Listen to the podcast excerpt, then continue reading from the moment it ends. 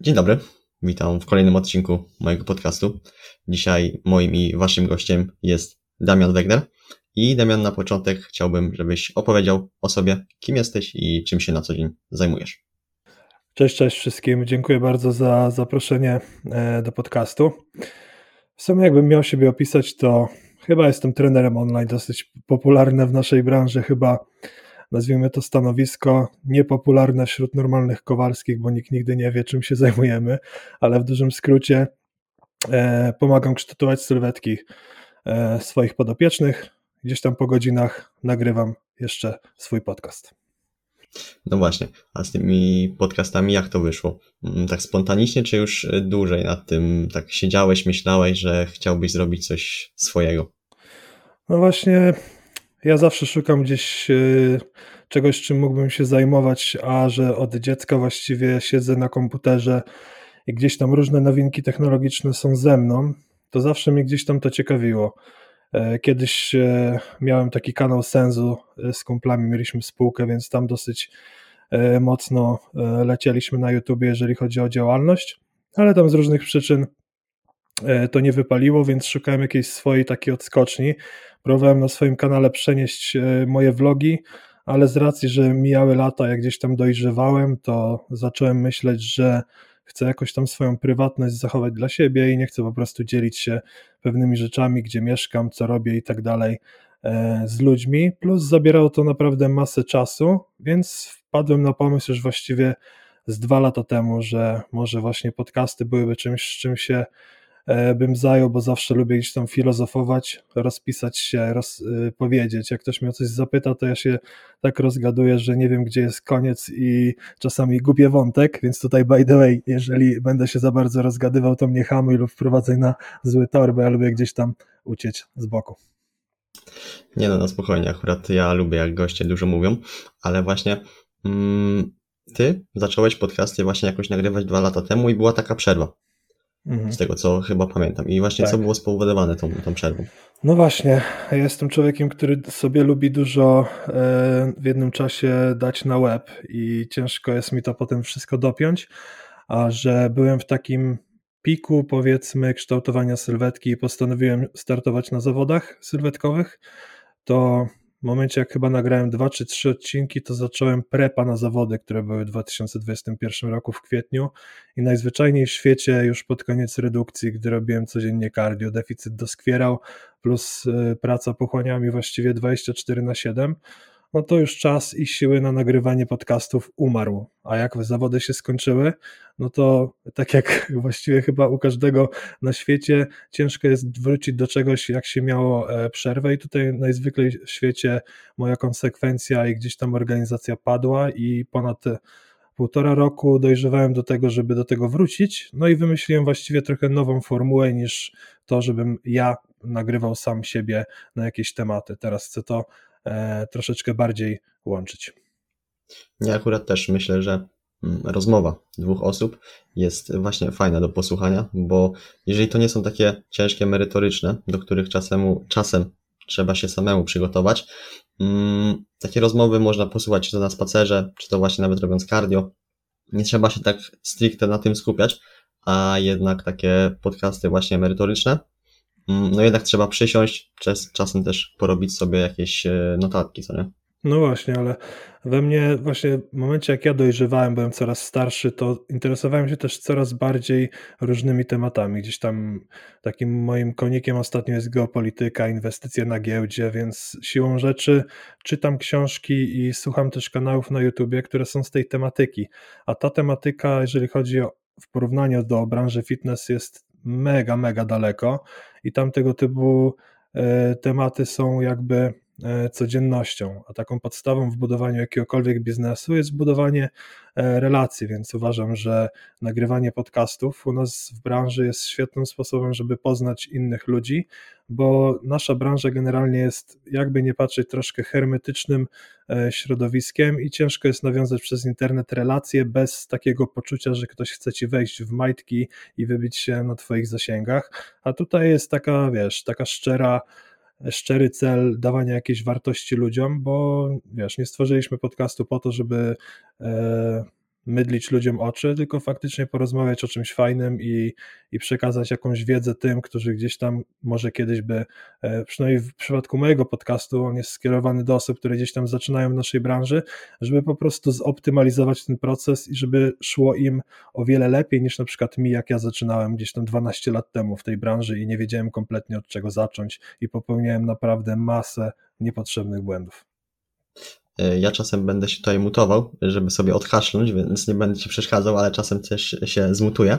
Mm, ale tak to tak y, nawiasem mówiąc, chciałem właśnie zauważyć te inne tematy, które Cię interesują. Ja też nie ukrywam, mm, bo siedzę już tak naprawdę w takim, powiedzmy, świecie fitnessu, no już 3-4 lata tak naprawdę. Nie ukrywam, że mnie to już też powoli męczy, tak siedzieć tylko w tym jednym temacie i mi się bardzo podoba to, co robi Piotrek Tomaszewski.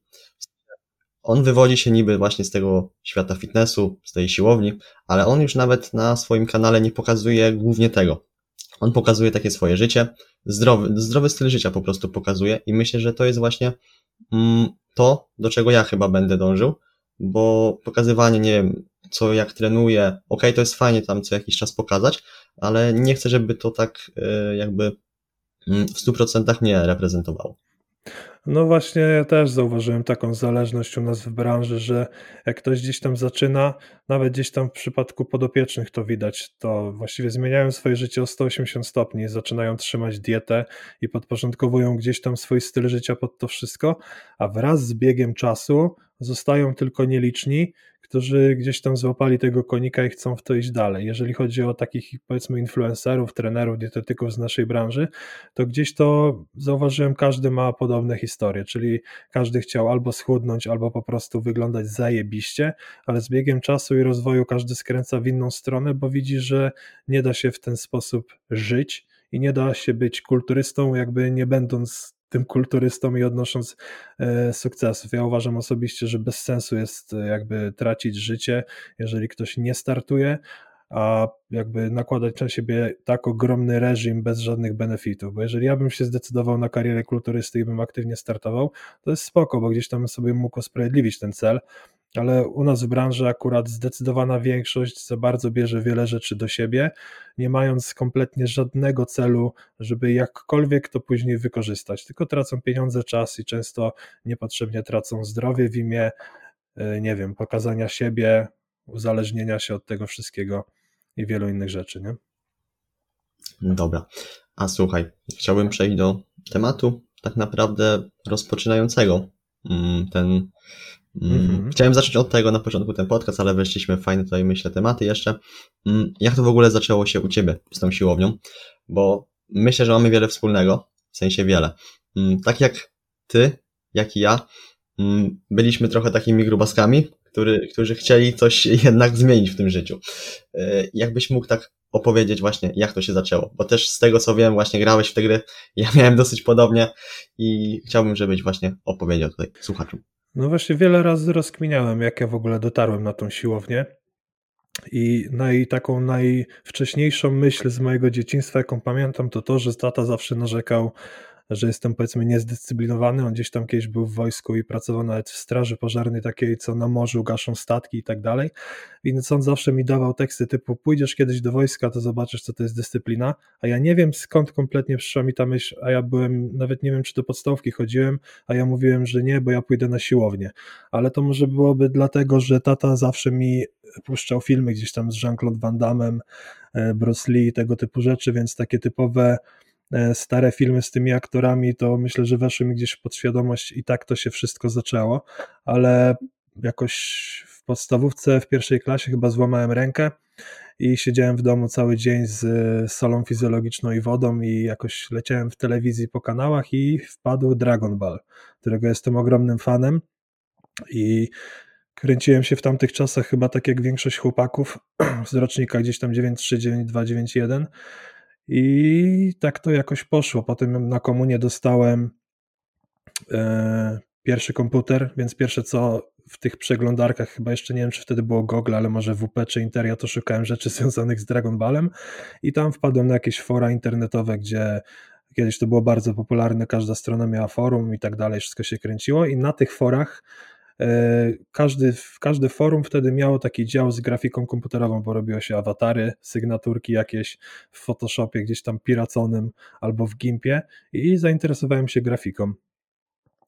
I tak to wszystko szło, Dragon Ball leciał, potem weszła jakaś tematyka e, typowo grania e, na komputerze, więc zaczęła się moja przygoda z Wolfenstein Enemy Territory i dołączyłem do klanu, w którym potem właściwie spędziłem w tej grze chyba 5 lat, grając klanówki gdzieś tam powiedzmy na takim poziomie reprezentacji e, polskich, tylko w reprezentacji polskiej nigdy nie byłem, ale gdzieś tam się mierzyłem z graczami na takim poziomie. I tak sobie gamingowałem, czekając do e, bycia starszym, żeby na tą siłownię pójść, bo wtedy to były czasy, gdzie i moi rodzice nie mieli możliwości i żaden znajomy nie miał piwniczej siłowni, a jedyna otwarta siłownia w Gdyni to była siłownia, której można było chodzić chyba od 17 roku życia i to z podpisem od rodziców, że w ogóle pozwalają, więc tak to gdzieś tam czekało wszystko, żeby tą historię zacząć, ale w ogóle zanim zacząłem chodzić na siłownię, to znalazłem forum KFD. Nie wiem jakim cudem, ale chyba szukałem jakiejś informacji, żeby nie zacząć e, pójść na siłownię jako totalny e, początkujący i żeby nie było wstydu, bo mega w ogóle jako grubas się wstydziłem żeby pójść. I tak trafiłem na forum KFD, gdzie zaczęła się moja nauka, czytanie artykułów i różnych tego typu rzeczy. Tam akurat w tamtych czasach mega popularne było zakładanie e, dzienników treningowych, więc założyłem swój dziennik treningowy, który chyba dzisiaj to ma 60 stron. Ja już go wiele lat nie prowadzę, ale on dalej e, istnieje i tam co parę miesięcy mi się przypomni, żeby sobie zajrzeć i powspominać, ale tak to jakoś poszło i chyba w, na przełomie skończenia gimnazjum, a pójścia do pierwszej technikum w wakacje, właściwie jak tylko się skończyło gimnazjum, to ja już byłem na siłowni na pierwszym treningu chyba 1 lipca, bo 29 czerwca mam urodziny, więc już mogłem legalnie tam pójść i tak już zostało, że praktycznie bez żadnej przerwy chodzę na siłkę do dzisiaj. Mhm. A nie myślałeś o tym, żeby gdzieś zacząć trenować mm, w domu, robić jakieś pompki, podciąganie, czy jednak, y, no dlaczego tak czekałeś? Na te skończenie tych 17 lat? No właśnie, to jest dobre pytanie, nie? Nie, I nigdy nie umiałem na to odpowiedzieć, bo teraz y, mam taki mindset, że zacząłbym już y, w domu, ale wtedy nie wiem, czy to były typowe wymówki grubasa, że nie zacznę ćwiczyć, bo siłownia, ale ja też Ogólnie ja byłem grubasem, który w gimnazjum ważył 100 chyba 5 kg, ale ja zawsze z WF-u miałem piątki czy szóstki, czyli nigdy nie było tak, że nie chodziłem na WF albo nie byłem sprawny. Zawsze biegałem tak jak każdy, gdzieś tam może wydolnościowo było słabo, ale grałem w siatę, w piłkę, wszystko robiłem normalnie, ale nigdy nienawidziłem, yy, zawsze nienawidziłem biegać i pewnie miałem gdzieś mindset takiego wymówkowicza, że nie zacznę robić pompek, bo wielu ludzi też ma takie historie, że zaczynało w domu od pompek, brzuszków, a jak gdzieś tam próbowałem szóstkę Wejdera wtedy robić, kumple kończyli, a ja po pierwszym dniu stwierdziłem, że mnie boli brzuch i nie. I tak to poszło, ale szczerze ci powiem, że ten mindset mam do dzisiaj i ja naprawdę nie lubię się męczyć. To jest właśnie w tym wszystkim najbardziej e, śmieszne, że ja nienawidzę biegać, nienawidzę się męczyć.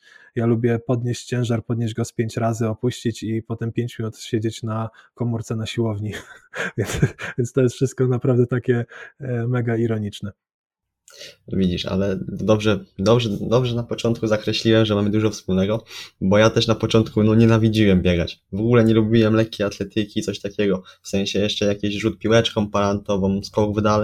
Okej, okay, jeszcze gdzieś tam powiedzmy zrobiłem to, ale jakbym miał właśnie te 6 lat temu, 7, biegać jakieś 300 metrów, kilometr, co nie wydaje się jakąś mega dużym, ja tego po prostu nie lubiłem, nie? A dzisiaj? Dzisiaj z bieganiem się polubiłem, aczkolwiek nie biegam już też od jakiegoś mm, czasu, tak naprawdę od mm, końca wakacji, bo nie mogę wygospodarować na to mm, czasu, mam inne priorytety. No z tym bieganiem się polubiłem, no a ty jednak tutaj y, od tego biegania, od takiego zmęczenia jednak y, stronisz. No ale mam taki mały cel, żeby się zmusić do tego, że żeby biegać, tylko widzisz, jak ja 12 lat trenowałem jak kulturysta, to w efekcie stałem się takim zaspawanym, w cudzysłowie nazwijmy to koksem. Więc jak ja przebiegnę chwilę, to zaraz mnie bolą piszczele albo troszkę kolana, więc y, już mam plan na to, żeby się troszeczkę przestawić, schudnąć i to ogarnąć, bo zaczęło mi to przeszkadzać. I to też jest trochę taka moja ewolucja w miarę dorastania, tak jak mówiłem wcześniej, bo kiedyś miałem to gdzieś i stwierdziłem, że mam to w dupie, niepotrzebna mi jest sprawność, a teraz trochę wartości mi się całkowicie odwróciły i stwierdziłem, że jednak fajnie by było być e, sprawnym, więc troszeczkę się przekwalifikowałem ostatnimi czasy. Skończyłem, nazwijmy to na razie z jakąś kar karierą kulturystyczną i skupiam się przede wszystkim na swojej sprawności, ale takim głównym powodem też było po prostu ogarnięcie biznesu, bo praca tyle mi zajmuje czasu, że chcąc się rozwijać jeszcze bardziej, nie, mam, nie miałem przez treningi najzwyczajniej w świecie czasu. Dobra, i tutaj e, akurat fajnie, że nawiązałeś do pytania takiego mm, twojego biznesu, że musiałeś go jakby uporządkować wszystko. I to jest bardzo fajne mm, pytanie od y, użytkowniczki, myślę dobrze znanej tobie, y, She Lifts and Cooks. Jak pogodzić plany na rodzinę z planami biznesowymi? Jak w tym znaleźć zdrowy balans? No właśnie. E, to jest wyzwanie, które nas pewnie czeka z Olą E, dopiero, więc będziemy wiedzieć, jak to zrobić, jak to zrobimy. Ale gdzieś tam e, docierając się przez ostatnie lata w związku, chyba najlepszą odpowiedzią na to wszystko jest przede wszystkim rozmowa dwóch osób, a nie na zasadzie, że jedna narzuca e, cokolwiek drugiej, bo nie ukrywajmy, że jak gdzieś tam dwie osoby się spotykają i potem zaczynają mieszkać razem, to ile by lat nie miały, to mają swoje przyzwyczajenia, a jeszcze jeżeli spotykają się osoby takie jak my, gdzie ja miałem swoją działalność, Ola miała swoją działalność i każdy ma różne harmonogramy dnia i takie flow w pracy, no to już łącząc to wszystko, to w ogóle robi się totalny e, rozpierdziel, więc e, tak z doświadczenia, jak my na razie ze sobą mieszkamy prawie 3 lata, to wydaje mi się, że rozmowa i takie nie wiem, żeby usiąść nad wspólnym kalendarzem, to jest klucz do tego, żeby się zorganizować, bo widzę, że jeżeli odpuszczamy z Olą gdzieś tam pisanie wspólnego kalendarza, żeby ogarnąć to flow takie w pracy, no to po prostu robi się e, ogromny chaos, więc wydaje mi się, że najważniejsze jest właśnie wspólne organizowanie sobie czasu, żeby po prostu nie był burdel, żeby nie było kłótni, żeby było na wszystko czas, bo już doświadczenie życiowe mi pokazało, że nieważne ile będziesz miał obowiązków, jeżeli faktycznie do tego kalendarza usiądziesz i to zaplanujesz, to znajdziesz na wszystko czas, a ja osobiście jestem osobą, która wszystko robiła na spontanie, bo nawet jak prowadziłem 6 lat treningi personalnej, naprawdę miałem 8-10 treningów dziennie, to nigdy w życiu nie prowadziłem kalendarza, tylko zawsze pamiętałem, kto jest na którą godzinę i ludzi tak umawiałem. Nigdy nie zdarzyło mi się, że się pomyliłem ale jak weszliśmy już całkowicie w online, no to tutaj już jest ogromny chaos i Ola mi akurat pokazuje karteczki, kalendarze i inne tego typu rzeczy, więc póki co w takich naszych wyzwaniach życiowych to dało najwięcej i uważam, że później też da nam bardzo dużo, ale tak podsumowując, wydaje mi się, żeby dwie osoby się słuchały i jedna drugiej nie narzucała gdzieś tam swojego światopoglądu, bo to się na pewno źle skończy. Ale ja ci powiem, ja też nie lubię działać spontanicznie. E, ja akurat ja miałem to od e, samego mm, początku, z tego co pamiętam. Mm, nie lubiłem tak e, nagle, jak coś spadało jak grom z jasnego nieba, nagle takie, wiesz, mm, coś niespodziewanego, nie lubiłem tego. Zawsze się trochę denerwowałem, że akurat coś, zawsze wolałem mieć właśnie zaplanowane. Wiadomo, trzeba się do tego dostosować i też trzeba być trochę elastycznym, ale jednak, no, tak jak mówię, ja, tak jak ty teraz, wolę mieć bardziej zaplanowane niż yy, tak działać na spontanie. No, ale ci powiem, że jeżeli znaczy do pewnego stopnia da się to robić, bo jeżeli ktoś nie jest ogarnięty, to ważne, żeby był jakby ogarnięty w tym swoim takim burdelu, czyli mieć porządek w tym nieporządku. I to się da zrobić, bo do pewnego stopnia mi też się udawało, no ale jak wchodzą takie tematy e, gdzieś tam rodzinne, no to już jest naprawdę ciężko i firma, gdzieś tam ogarnianie kilku, kilku osób i innych rzeczy i tak dalej, to już bez tego myślę, po prostu staniesz w pewnym miejscu i się dalej nie rozwiniesz. To jest taki must have. Mhm. Mam pytanie. Mm, kiedy był ten moment, kiedy powiedziałeś sobie, że chcesz zostać trenerem? No właśnie, bo tak jak opowiadałem, tutaj były te forum Dragon Balla, robienie sygnaturek i tak dalej, to właściwie od tego zaczęła się moja przygoda z grafiką komputerową. Ja wtedy pamiętam, chyba miałem 10 czy 11 lat, jak ściągnąłem pierwszy raz Photoshopa i gdzieś tam zacząłem się uczyć tego wszystkiego i to tak kiełkowało, że w parę lat już zacząłem robić jakieś tam pierwsze swoje zlecenia przez jakichś tam ludzi, którzy mi to podzlecali. I początkowo miała być wielka kariera web designera albo czegoś takiego, bo chciałem robić strony internetowe, ale właśnie w międzyczasie zaczęła się y, przygoda na siłce, która okazała się silniejsza niż miłość do grafiki, a wydaje mi się też, że było trochę zmęczenie materiału, bo jak ja to robiłem już wtedy chyba z 8 lat, jak zacząłem jak miałem 10, no to chyba troszkę zacząłem żygać tym. I wydaje mi się, że za wcześnie e, w to wszystko poszedłem, a w międzyczasie właśnie pokochałem najzwyczajniej w świecie kształtowanie sylwetki, bo jak byłem na KFD, to czytałem wszystko o diecie, wszystko o treningu, wszystkie artykuły, jakie się dało znaleźć w Google i czytam na forum, to ja miałem przeczytane i zresztą tak jak pewnie e, było u ciebie, to jest troszkę tak, że otwierasz oczy i już myślisz o tym, e, żeby się z tego tematu uczyć, więc naturalnie jakoś w technikum, bo też poszedłem do technikum o takim profilu, żeby gdzieś tam zostać grafikiem komputerowym. Stwierdziłem, że na studia pójdę na E, Akademię Wychowania Fizycznego w Gdańsku i gdzieś tam w tym, w drugim kierunku zacznę się kształcić, bo zawsze uważałem, że lepiej mieć dwa zawody niż jeden, a że technikum dało mi zawód takiego grafika poligrafa, plus gdzieś tam miałem swoje portfolio w internecie, to stwierdziłem, że mam ugruntowaną pozycję, a jak lubię gdzieś tam zajawkę taką sportową, trenerską, to pójdę sobie na studia i gdzieś tam zrobię sobie wykształcenie wyższe właśnie e, z tego kierunku. No ale to było już tak silne, że przyćmiło wszystko inne i tak działam sobie do teraz. No właśnie, ja teraz jestem mm, na tym etapie, że jestem w czwartej klasie technikum i też nie do końca wiem, mm, którą drogą pójść. I wiem, ja podpowiem. Okej, okay, słucham, słucham. Ale tylko najpierw mi powiedz, w którą stronę w ogóle myślisz, żeby pójść. E, w sensie tak. E, ja jestem na technikum informatycznym i powiem szczerze, to nie jest mój kierunek. W sensie, mm, tak jak mówisz o tej grafice, to jest chyba temat, który mnie najbardziej właśnie gdzieś e, z tego interesuje i tak dalej. I ja bym mógł to robić gdzieś taką właśnie poboczną drogą, ale głównie właśnie myślę nad jakimś zawodem trenera. Nie wiem, czy to będzie trener właśnie jakiś personalny, czy mhm. trener przygotowania motorycznego, nie wiem, w jakiejś mm, drużynie piłkarskiej, czy nie wiem, mm, w jakiejś drużynie po prostu. Myślę nad tym. Tylko nie wiem, czy właśnie iść na studia, czy jest to potrzebne, bo każdy ma swoje zdanie i tak dalej i ja też y, wyciągam od każdego, co właśnie może powiedzieć na ten temat, co mhm. sądzi na ten temat, na przykład pójść na studia, czy jednak zdecydować się na jakieś kursy i właśnie działać w internecie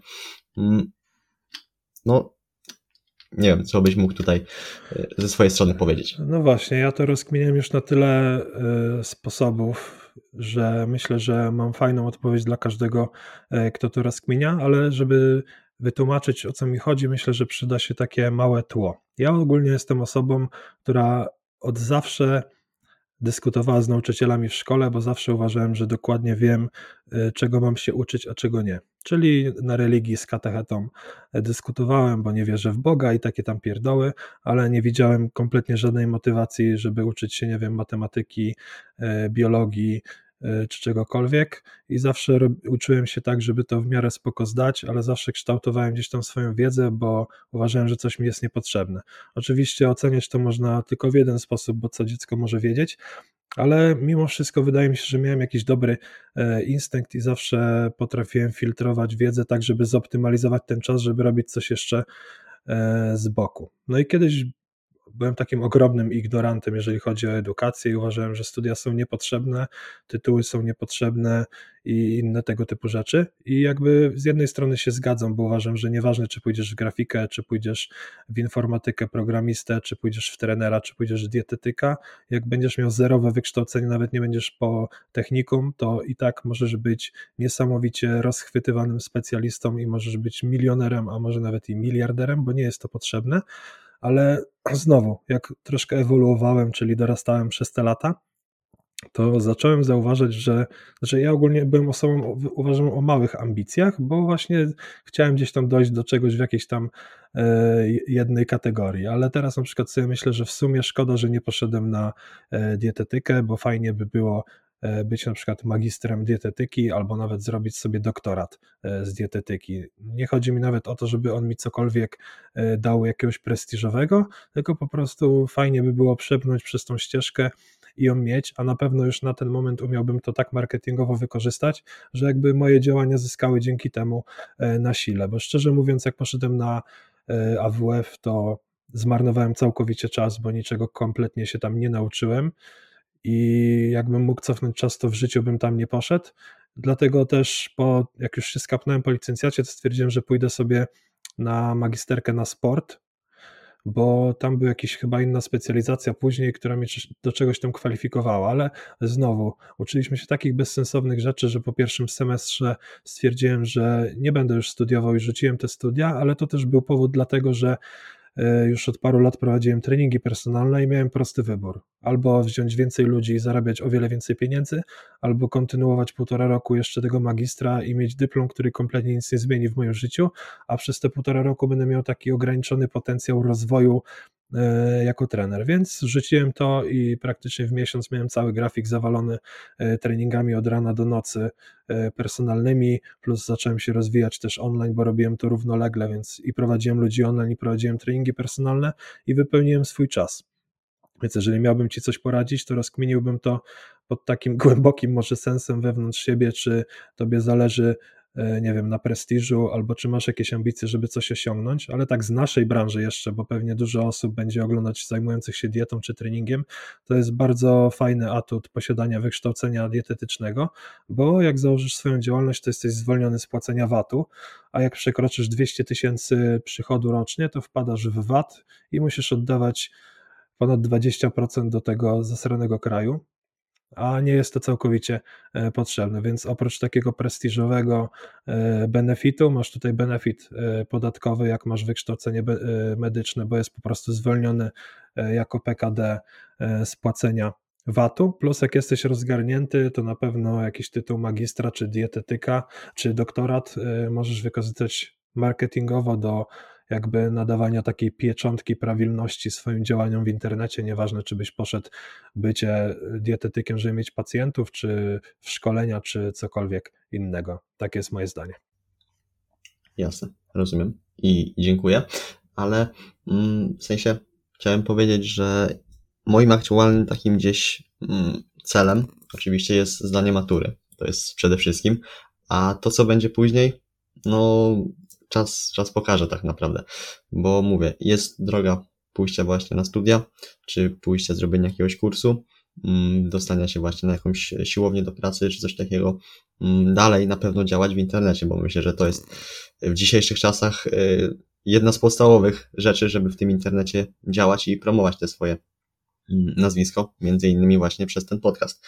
Myślę, że też to dużo daje. No ale no, wiesz, mam... wydaje mi się, że jedno przez drugie się nie wyklucza tak naprawdę, bo nawet jeżeli wybrałbyś studia, to dalej możesz robić kurs, dalej możesz robić szkolenia, nawet zresztą powinieneś, bo na jakie studia byś nie poszedł, to w życiu cię nie przygotują na to, co cię czeka e, z klientami, a jednak szkolenia i takie specjalizowanie się w danej niszy, w, danym, w danej rzeczy, którą chcesz robić, to jest coś, co ci przyniesie jakby najwięcej, w czymkolwiek będziesz chciał jakby e, w życiu działać, więc uważam, że myślę, że warto pójść na studia, chyba, żebyś miał tak jak, nie wiem, ja, taki nie wiem, taki moment, że masz tak zduszony potencjał, że jak pójdziesz na 3 lata na studia, to będziesz dalej w tym samym miejscu, co jesteś teraz, a z drugiej strony to wykształcenie ci tak naprawdę kompletnie nic nie da. To jest taka wewnętrzna rozkmina, którą wydaje mi się musiałbyś przejść.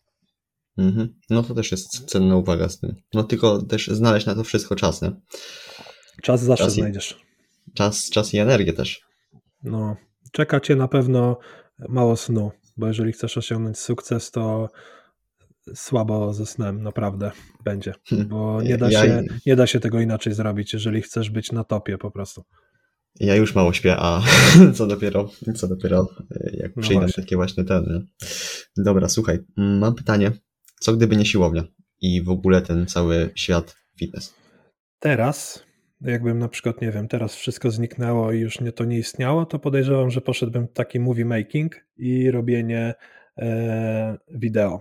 Tylko nie jakieś tam wideo na ślubie, tylko bardziej poszedłem w takie profesjonalne robienie reklam, bo to mnie na maksa jara, lubię montaż filmów i myślę, że w tym bym poszedł, gdzieś tam w taką właśnie odnogę graficznego świata w jakimś kierunku, nie?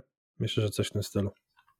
Mhm. Znaczy właśnie mnie to też zawsze interesowało i to jak wspomniałeś, jak miałeś 10-11 lat, mm, zainteresowałeś się właśnie mm, tą grafiką i tak dalej, to ja też miałem taki swój właśnie okres na forum. Mm, ja akurat grałem w CS-a mhm. bardzo dużo i właśnie też e, dużo na forum się udzielałem i właśnie jak wspomniałeś o sygnaturkach, to też tego multum robiłem. Fakt, że robiłem to na jedno kopyto prawie, że mm, bo miałem przygotowany tam jakiś e, wzór i tylko tam zmieniałem niektóre elementy, mhm.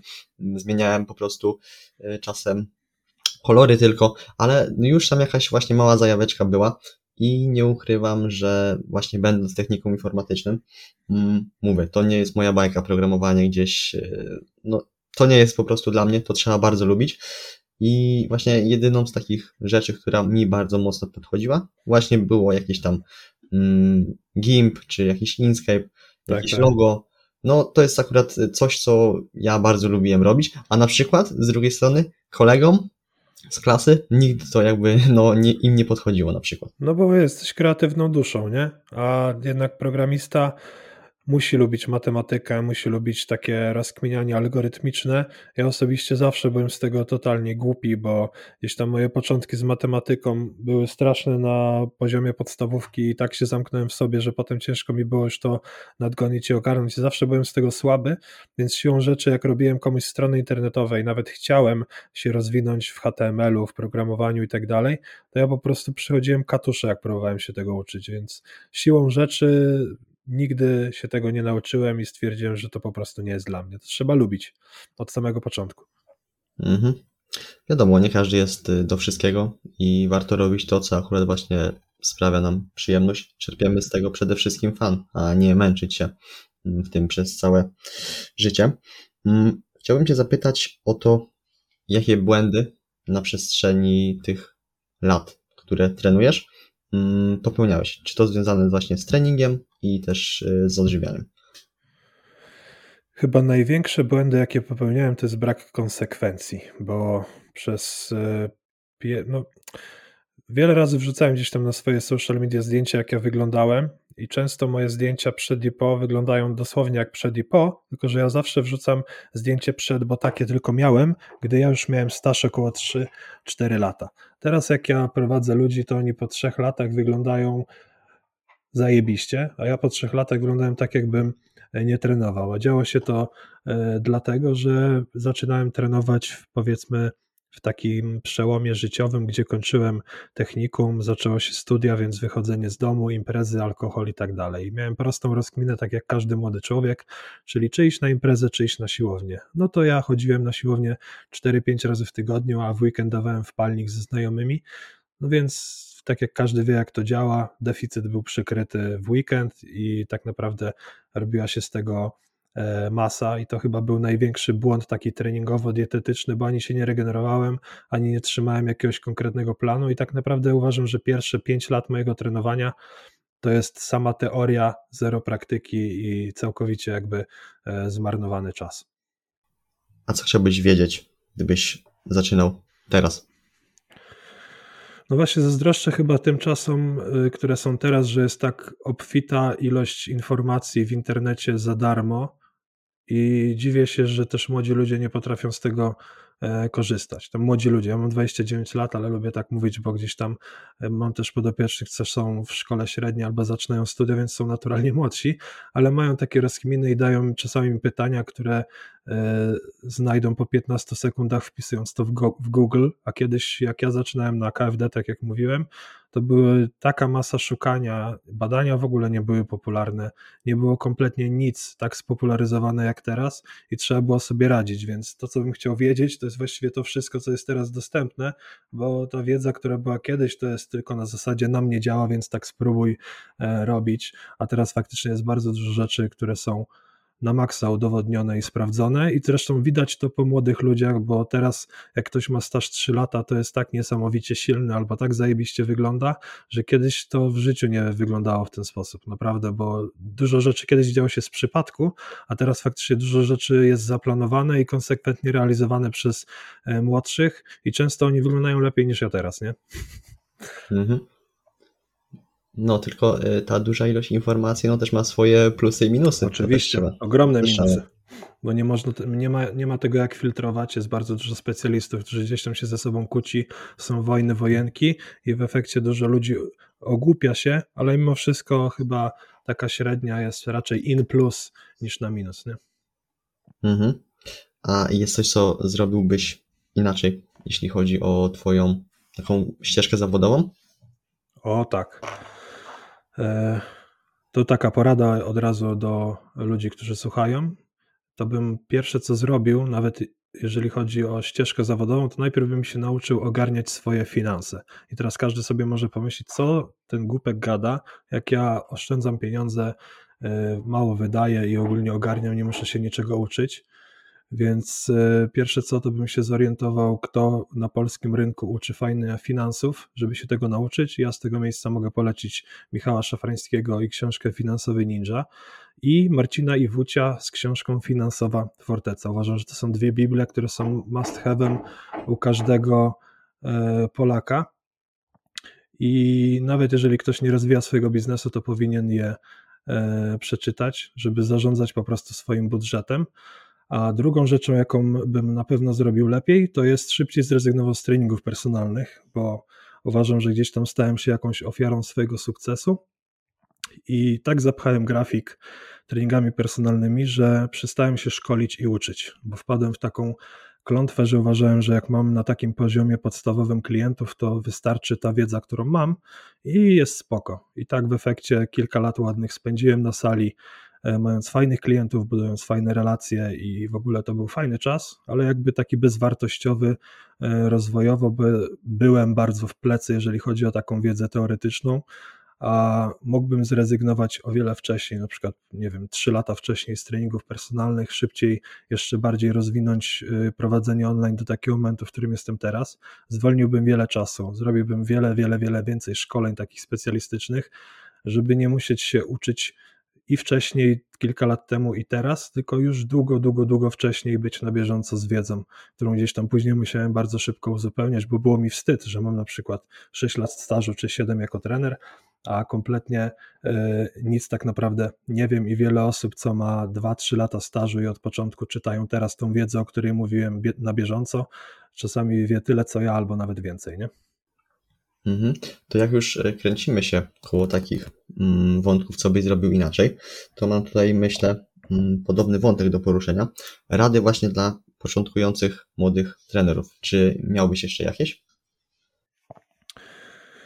Wyszedłbym poza branżę fitness, jeżeli chodzi o szkolenia.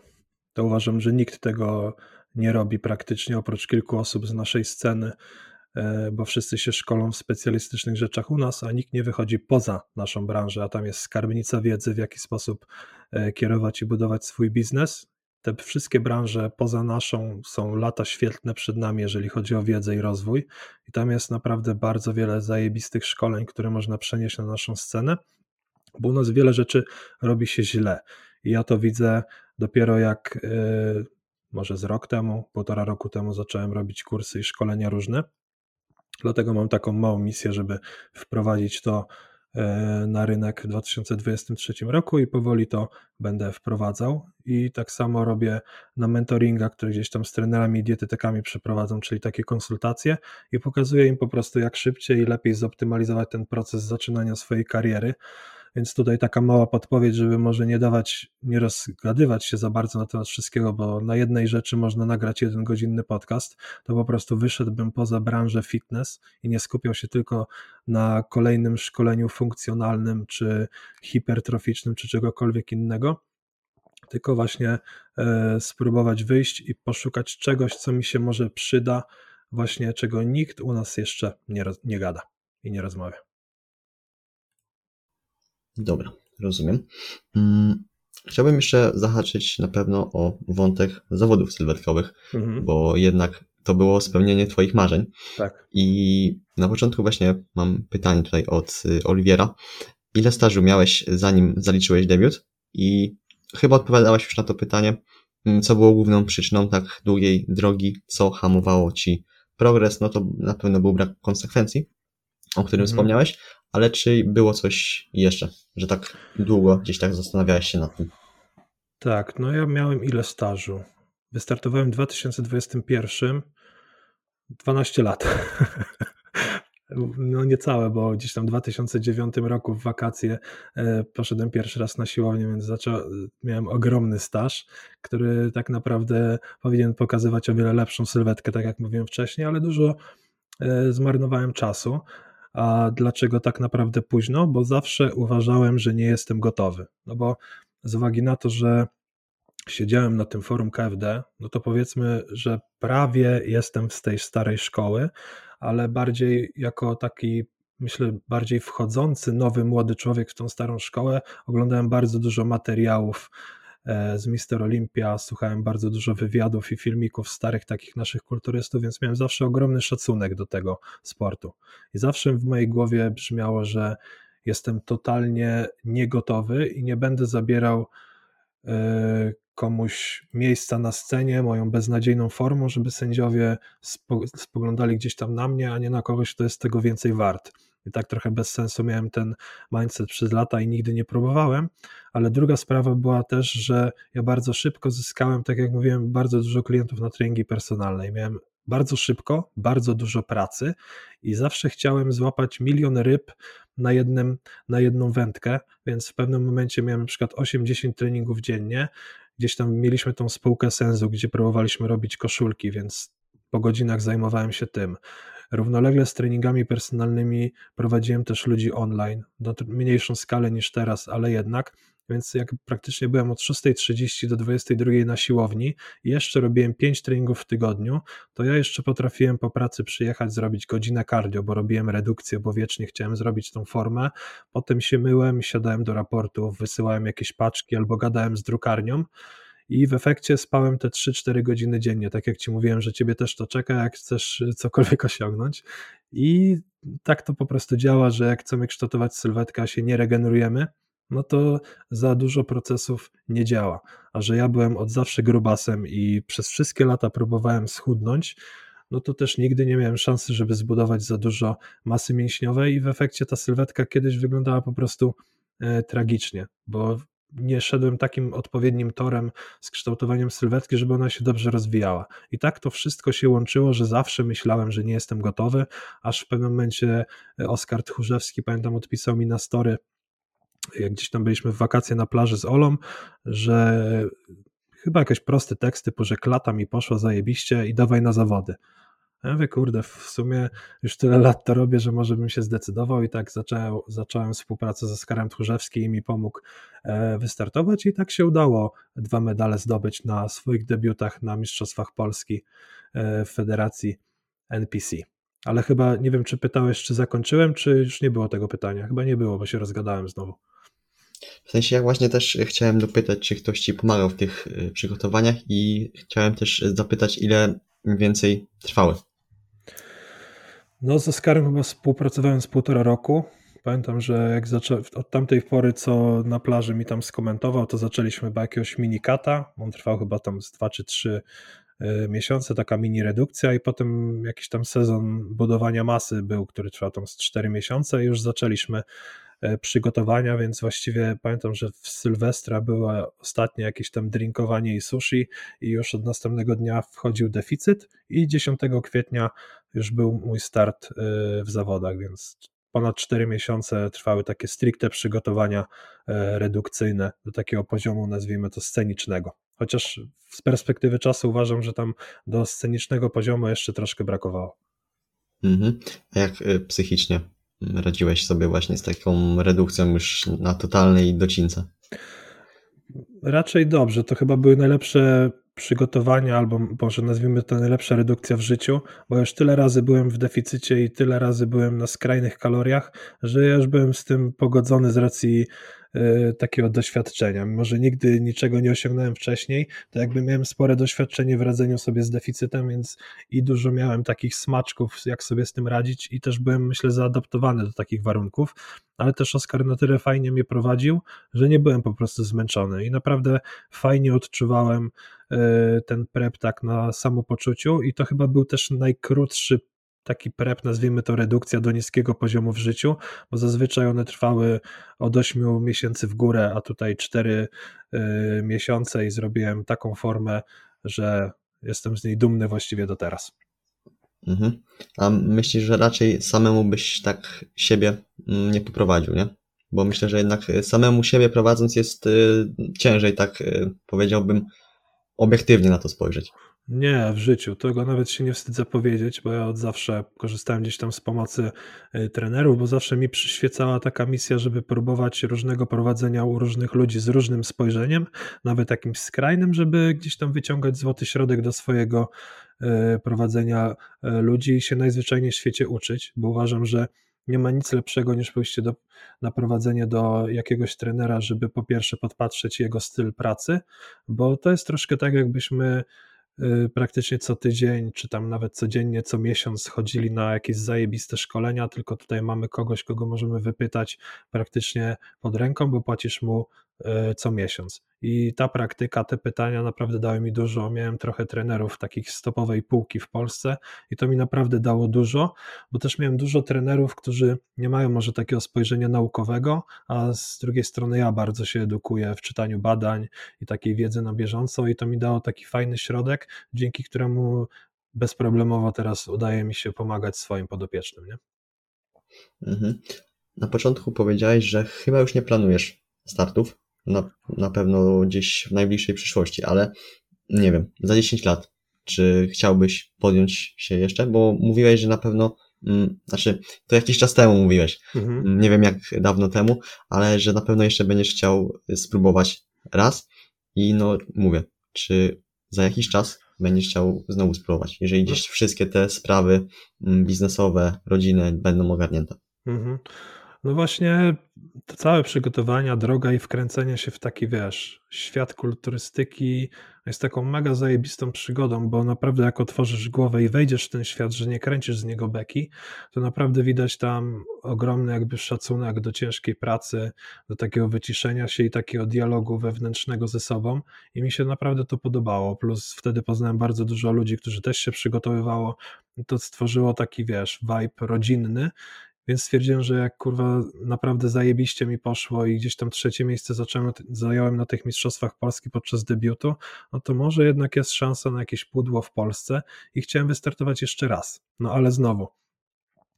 Yy, strasznie szybko zacząłem pikować też w tym prowadzeniu online, jak zrezygnowałem z treningów personalnych i mam bardzo dużo planów jak to rozwinąć, jak wprowadzić jakieś tam małe innowacje na naszym rynku, których nie ma, tak jak mówiłem wcześniej, więc z prostej przyczyny musiałem wybrać albo pięć treningów w tygodniu jakieś tam robienie cardio i innych rzeczy, trzymanie diety, albo te jednak dwie godziny czy trzy w tygodniu mogę urwać, robiąc jakieś, nazwijmy to, rekreacyjne, lżejsze treningi, a to mi naprawdę da dużo, jeżeli chodzi o taki rozwój e, swojej pracy, bo planów mamy naprawdę masę, jeżeli chodzi o e, rzeczy, które chcemy wprowadzić, a ja rob, a treningi takie typowo sylwetkowe strasznie obciążają układ nerwowy, więc ja też chodziłem na przykład na treningi na 17, bo jak ja wracałem z treningów, to ja nie byłem w stanie nic robić, bo układ nerwowy był tak zniszczony, że ja chciałem tylko siedzieć i gapić się, a jakby nie mogłem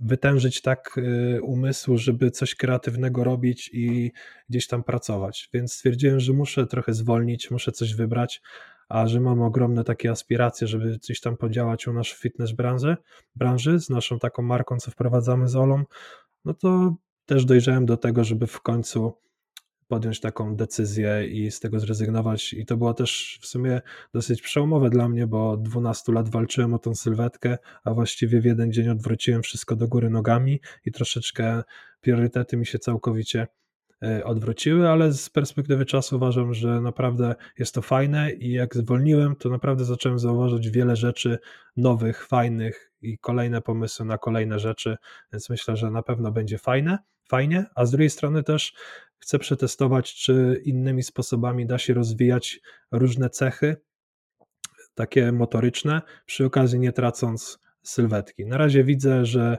gdzieś tam to może wszystko spadło, ale dalej jest naprawdę fajnie, więc myślę, że eksperyment będzie, będzie kontynuowany i to też mi da dużo z kolei do pracy znowu z moimi ludźmi, gdzieś tam do szkoleń, które pro, będziemy prowadzić, bo jakby totalne inne spojrzenie teraz mam na y, kształtowanie sylwetki, prowadzenie ludzi i widzę, że można totalnie inaczej i znowu zawsze byłem zwolennikiem, żeby łączyć życie normalne z kształtowaniem sylwetki, a teraz widzę, że jeszcze bardziej i jeszcze lepiej można do tego podejść, żeby po prostu było lepiej i przyjemniej, a nie tak zero-jedynkowo wpatrzony w dietę, treningi i teraz mogę powiedzieć trochę marnowanie życia w imię czegoś tam, co sobie wykminimy, a nie chcemy startować tak naprawdę w zawodach.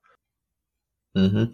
Ale ja też jakoś chyba rok temu mm, przeszedłem taki etap, w którym bardzo byłem mocno skupiony gdzieś na, na, na treningu, mm, na odżywianiu, na tym, co jem, mm, jak się wysypiam. I nie ukrywam, że straciłem, myślę, sporo takich mm, po prostu zwykłych spotkań ze znajomymi.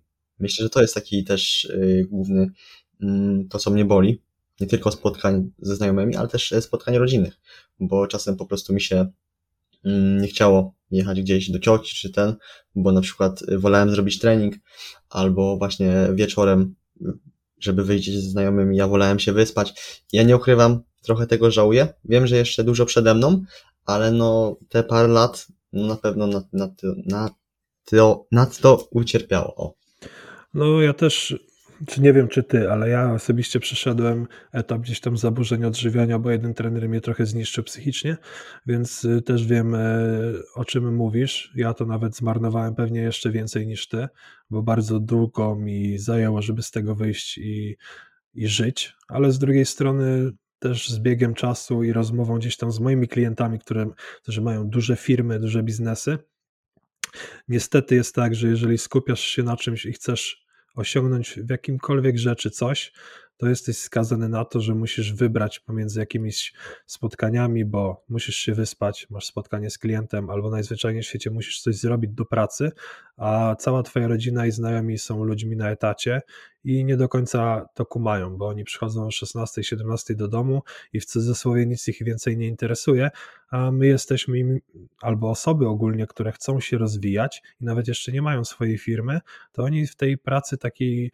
są cały czas w głowie, bo oni jedzą kolację i myślą, co mogą zrobić, są na siłce i myślą, co mogą zrobić. I ta taka pogoń za lepszym życiem się po prostu yy, nie kończy, więc jest trochę przejebane pod tym kątem. E, ale uważam, że coś za coś. Nie, nie znalazłem jeszcze jakiegoś złotego środka, żeby to zbalansować. Uczę się cały czas i rozmawiamy z Olą, rozkminiamy, rozmawiamy też z ludźmi, co o tym sądzą, tak z ich perspektywy, żeby jakiś tam złoty środek dla siebie znaleźć, ale chyba wszystko się sprowadza do tego, że niestety trzeba e, coś wybrać. Niestety. Mhm. W sumie, zbliżając się już y, do końca naszej rozmowy, bo zbliżamy się do godziny, mm, chciałbym zapytać o to, jakie inne hobby, czy też y, slash zainteresowania masz. Wspomniałeś już o Dragon Ballu, mm, ale czy jeszcze jest coś y, innego? No właśnie, wiesz, Dragon Ball troszeczkę się skończył, gdzieś tam on jest reaktywowany teraz, więc powiedzmy, że ja go doglądam, jak coś wychodzi, to sobie oglądam, więc nie nazwałbym tego jakimś hobby. To jest po prostu taka miłość na całe życie, która gdzieś tam się identyfikuje ze mną i na odwrót, ale takimi moimi hobby, które teraz jest, to jest inwestowanie, bo siedzę gdzieś tam od trzech lat w tematach inwestycji. Nie, nie są to jakieś tam kryptowaluty, tylko typowe sytuacje rynkowe, giełda, papiery wartościowe, akcje, zabezpieczenie majątku i tego typu rzeczy. I teraz jeszcze z uwagi na sytuację gdzieś tam na Ukrainie, geopolityka, która zresztą łączy się z inwestycjami, więc zacząłem się tym mocno interesować, żeby łączyć kropki, bo to ma ogromny wpływ na to, jak działa e, świat pieniądza, co, gdzie, kiedy e, działa. I też daje to mega zajebiste spojrzenie na wiele sytuacji w kraju i i poza nimi, można to interpretować trochę lepiej niż gdzieś tam prze, przedstawiają to w mediach głównego nurtu. Bardzo polecam i będzie miało to ogromny wpływ na rozwój każdego człowieka, szczególnie taki e, pieniężny, bo uważam, że w naszym kraju jest ogromny deficyt edukacyjny, jeżeli chodzi o dbanie o swoje pieniądze, a nie ma chyba nic gorszego niż tyranie przez wiele lat i tracenie tych pieniędzy na głupich decyzjach, bo chyba doszliśmy jako społeczeństwo do tego, że czasami robimy dwa tygodnie research, jaką kupić lodówkę, a potem pakujemy pieniądze w jakieś gówno i tracimy równowartość 10 lodówek w Trymiga, bo nie chciało nam się tego najzwyczajniej ogarnąć. Uważam, że tutaj trzeba by było to zmienić. Z czym chciałbyś zostawić naszych słuchaczy tak y, na sam koniec?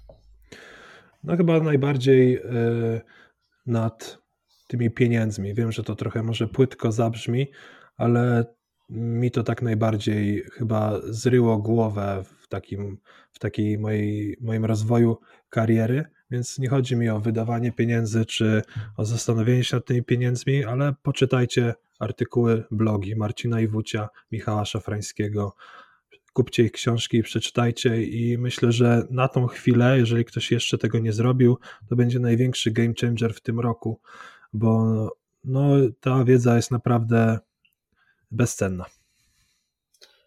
Damian, ja chciałbym Ci serdecznie podziękować za tą rozmowę. Myślę, że osoby w moim wieku, młodsze, mogły coś z tej rozmowy na pewno wyciągnąć. Mm, przede wszystkim takie Twoje przemyślenia z takiej perspektywy osoby też bardziej doświadczonej. Mm, I na sam koniec chciałbym, żebyś powiedział, kogo chcesz zobaczyć jako gościa w następnym może odcinku podcastu i też o tym, gdzie można Cię spotkać w internecie. To zacznę od końca.